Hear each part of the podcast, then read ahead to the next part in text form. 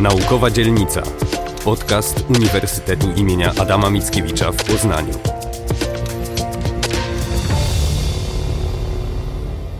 Dzień dobry, Małgorzata Rybczyńska. Wyparte historie, antysemityzm na Uniwersytecie Poznańskim w latach 1919-1939 jest e, wynikiem kilkuletniej pracy Komisji do Spraw Badania Przypadków Prześladowania Osób Pochodzenia Żydowskiego na Uniwersytecie Poznańskim. Gościem naukowej dzielnicy są dziś członkowie tej komisji. Przewodniczący profesor Krzysztof Podemski oraz profesor Maciej Michalski. W tej chwili trzymamy w ręku jeszcze gorącą właściwie publikację. Panie profesorze, parzy? Parzy bardzo i ciężka jest, ale jesteśmy z tego bardzo dumni. Problematyka, którą się zajmowaliśmy przez ostatnie dwa lata, e, nie jest problematyką łatwą i nie jest też problematyką, która e, jest e, neutralna społecznie. W związku z tym Mieliśmy zawsze z tyłu głowy myślenie o odbiorcach, którzy będą czytać tę, tę, tę książkę. I myśleliśmy o tym w taki sposób, że powinniśmy pokazać przede wszystkim wydarzenia z okresu międzywojennego na Uniwersytecie Poznańskim w jak najbardziej naukowym świetle. Antysemityzm w przedwojennym Poznaniu dla historyków nie był czymś nieznanym. Jak to się stało więc, że uniwersytet dopiero teraz doczekał się takiej publikacji? Ja bym powiedział, że świat jest pełen wypartych historii. Wypierają niechlubne fakty ze swojej biografii ludzie, rodziny, całe narody, instytucje i podobnie było z, z nami.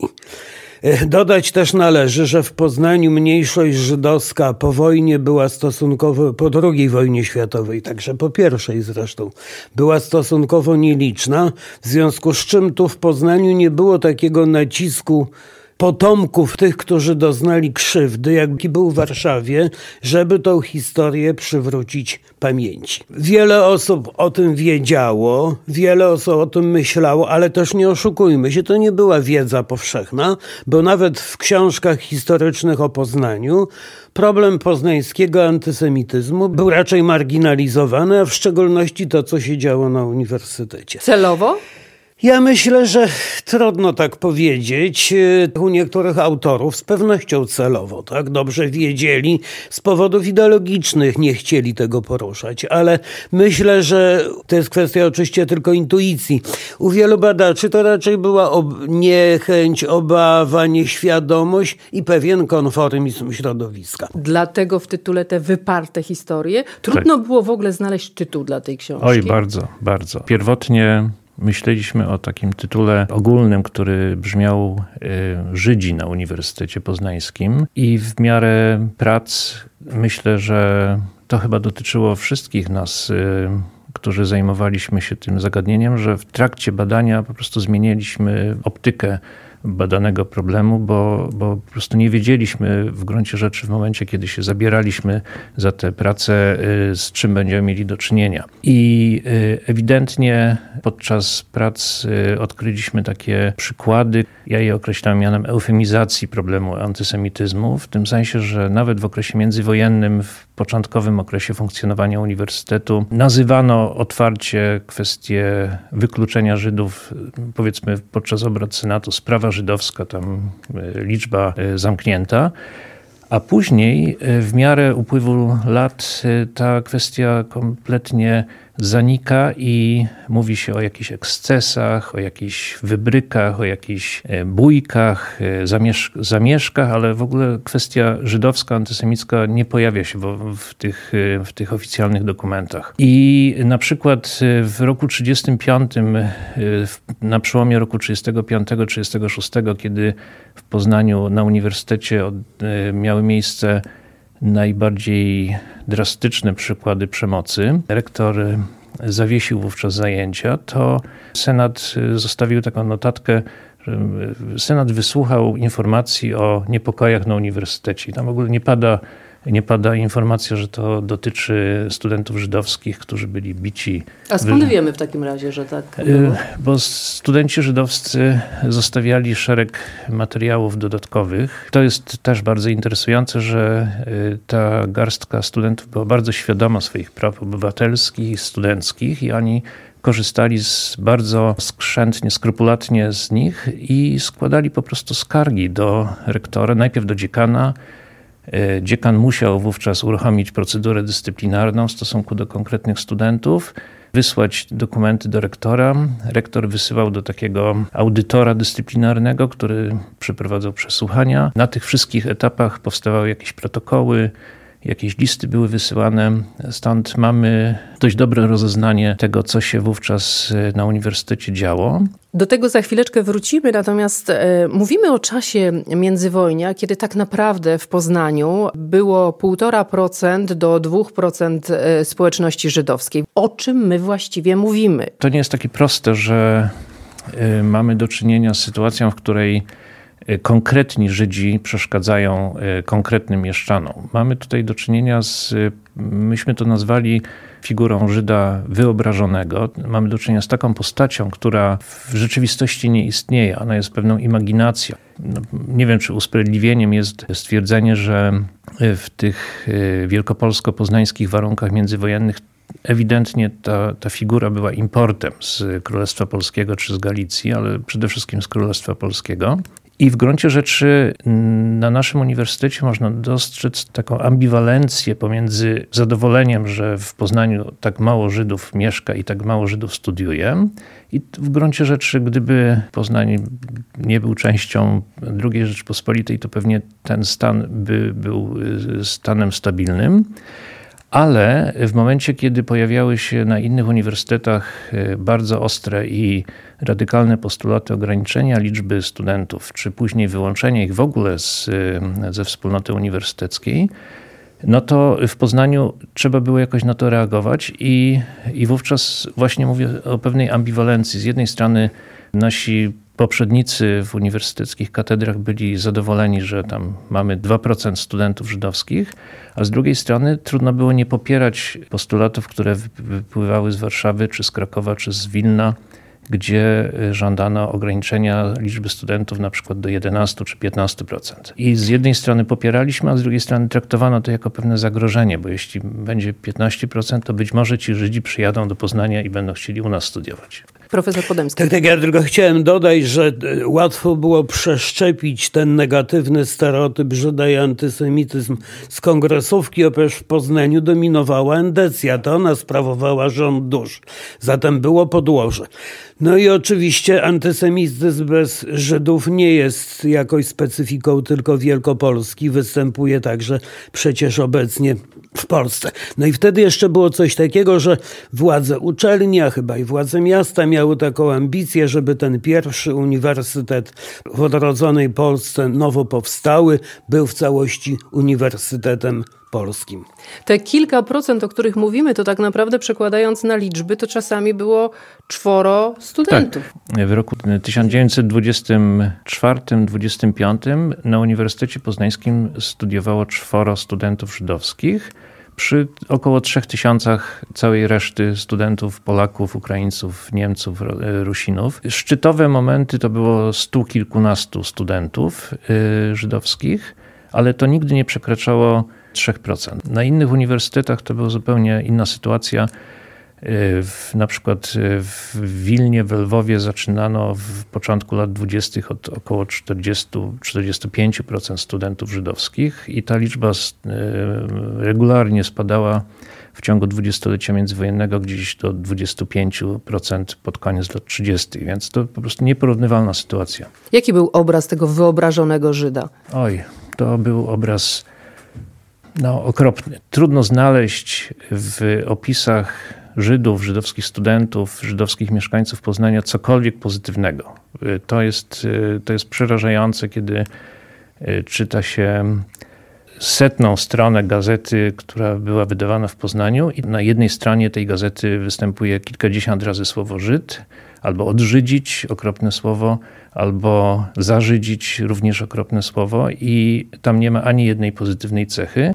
Znaczy literatura antysemicka, zwłaszcza rysunki antysemickie są no. po prostu potworne, ale też tak. w ogóle był wtedy inny poziom kultury Oczywiście. politycznej i inaczej pisano o, o przeciwnikach, inaczej ich malowano. Mhm. Natomiast ten, gorzej. Gorzej, jeszcze gorzej niż teraz, zdecydowanie. Mhm. No brutalność, agresja, no przecież na Uniwersytecie Adama Mickiewicza nie było bójki za naszej pamięci nigdy. Natomiast w latach międzywojennych bójki na uniwersytetach były codziennością, zwłaszcza jesienią. A jeszcze chciałem wrócić do tego stereotypu, bo to nie jest tylko polska specyfika, prawda? Był ten straszliwy stereotyp średniowiecza, ze średniowiecza Żydów jako zabójców Chrystusa. No i były te negatywne stereotypy XIX-wieczne, stereotyp Żyda jako krwiopijcy kapitalisty i stereotyp Żyda jako bolszewika. I w Polsce i w Wielkopolsce, zwłaszcza po wojnie polsko-bolszewickiej, ten drugi stereotyp, tak zwana żydokomuna, czy utożsamianie Żyda z bolszewikiem, były tym elementem, który chyba dominował w tej narracji, prawda? To znaczy, ponieważ trudno było mówić w Poznaniu, że Żydzi stanowią zagrożenie. No ale jeżeli Żydzi byli nośnikami bolszewizmu, e, e, czyli stał za nim e, wielki, wielki brat, no to oczywiście to budziło przerażenie. Wróćmy w takim razie do tych wydarzeń, o których pan profesor wspomniał. Wiadomo, że antysemityzm przejawiał się werbalnie, fizycznie, ale co kryje się pod tym tymi sformułowaniami? Czy udało się dotrzeć do konkretnych historii? Po pierwsze, Żydzi, którzy aplikowali na studia uniwersyteckie w Poznaniu, spotykali się z y, najpierw zapisanym, a później niepisaną, y, niepisanym progiem 2%. I y, ten próg obowiązywał właściwie przez cały okres dwudziestolecia między, międzywojennego, mimo że był od roku 23 był nieprawny, był, był, był poza prawem. I to polegało na tym, że mamy takie dokumenty, w których y, student opisze podanie do uniwersytetu i nie podaje, że jest y, wyznania mojżeszowego, jak to wtedy nazywano. No, otrzymuje odpowiedź, że może zostać przyjęty pod warunkiem, że nie jest wyznania mojżeszowego.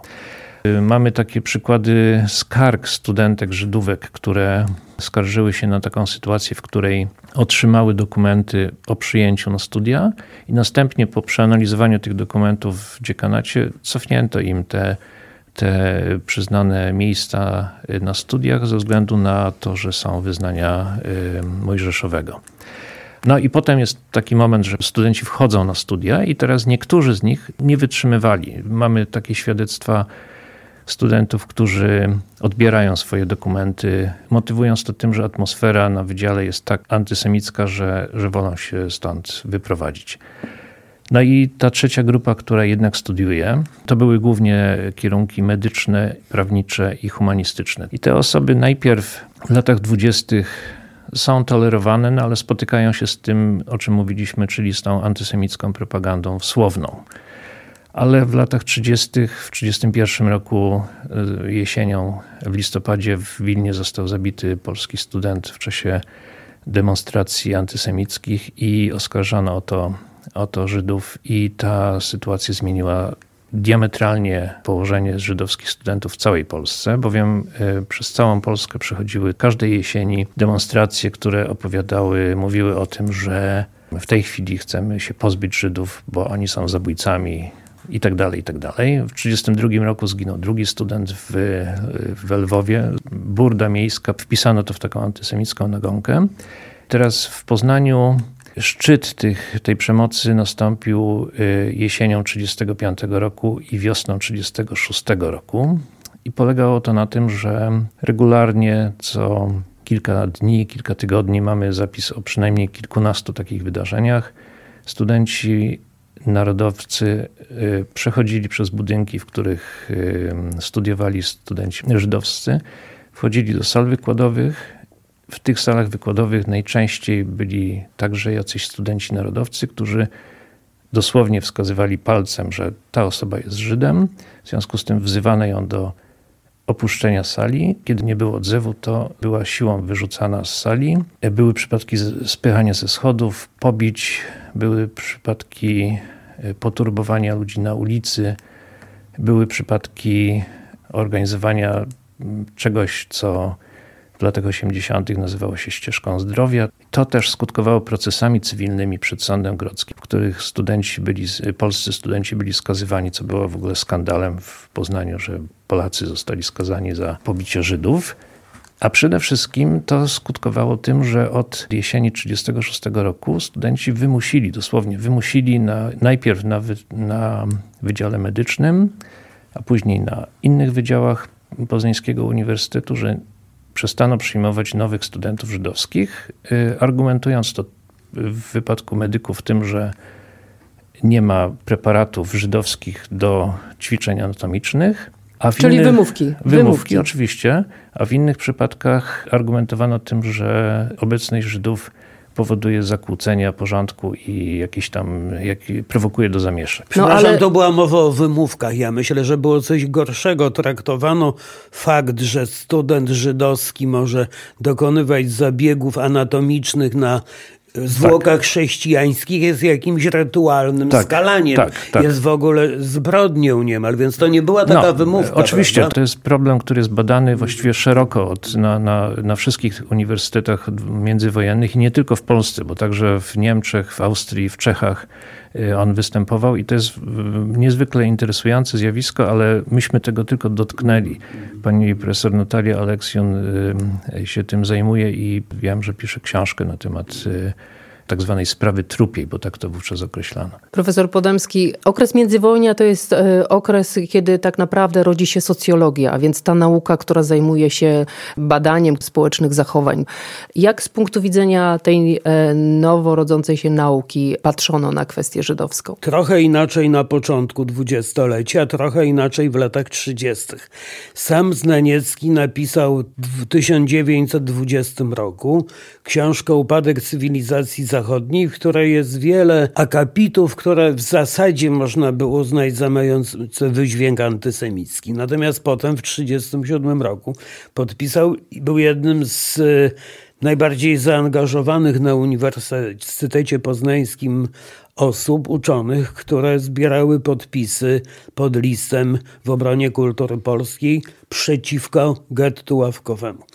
Więc oczywiście patrzano na e, antysemityzm jak na konflikt etniczny, na konflikt wywołany uprzedzeniami, e, stereotypami, ale także złożoną sytuacją e, socjalną, bezrobociem, zwłaszcza po wielkim kryzysie.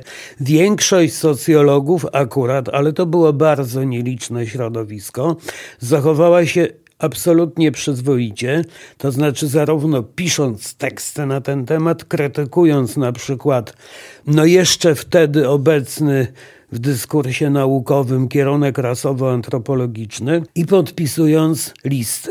Natomiast ogromna większość środowiska była bierna. Wielu uczonych, zwłaszcza w Poznaniu, było endekami. Tak? Dodatkowo mówimy o latach 30., gdy sanacja budziła opór w znacznej części społeczeństwa. I też była antysemicka, przepraszam, I też była antysemicka, a poza tym opór przeciwko sanacji pchał ludzi w stronę endecji. Myślę, że to było też jednym z powodów, dla których młodzi ludzie tak e, gorliwie wspierali endecję. Bar wie, ogromna większość była obojętna. Zdarzały się przypadki wybitne wybitnych uczonych, którzy po prostu udawali, że nie widzą na tablicy wypisanych antysemickich haseł, albo obracali się tyłem, gdy y, ich studenci wyrzucali studentów żydowskich, ale byli tacy, którzy podnosili się, stali solidarnie, na przykład profesor Kotarbiński wstawał solidarnie ze studentami żydowskimi, gdy nacjonaliści kazali im wstać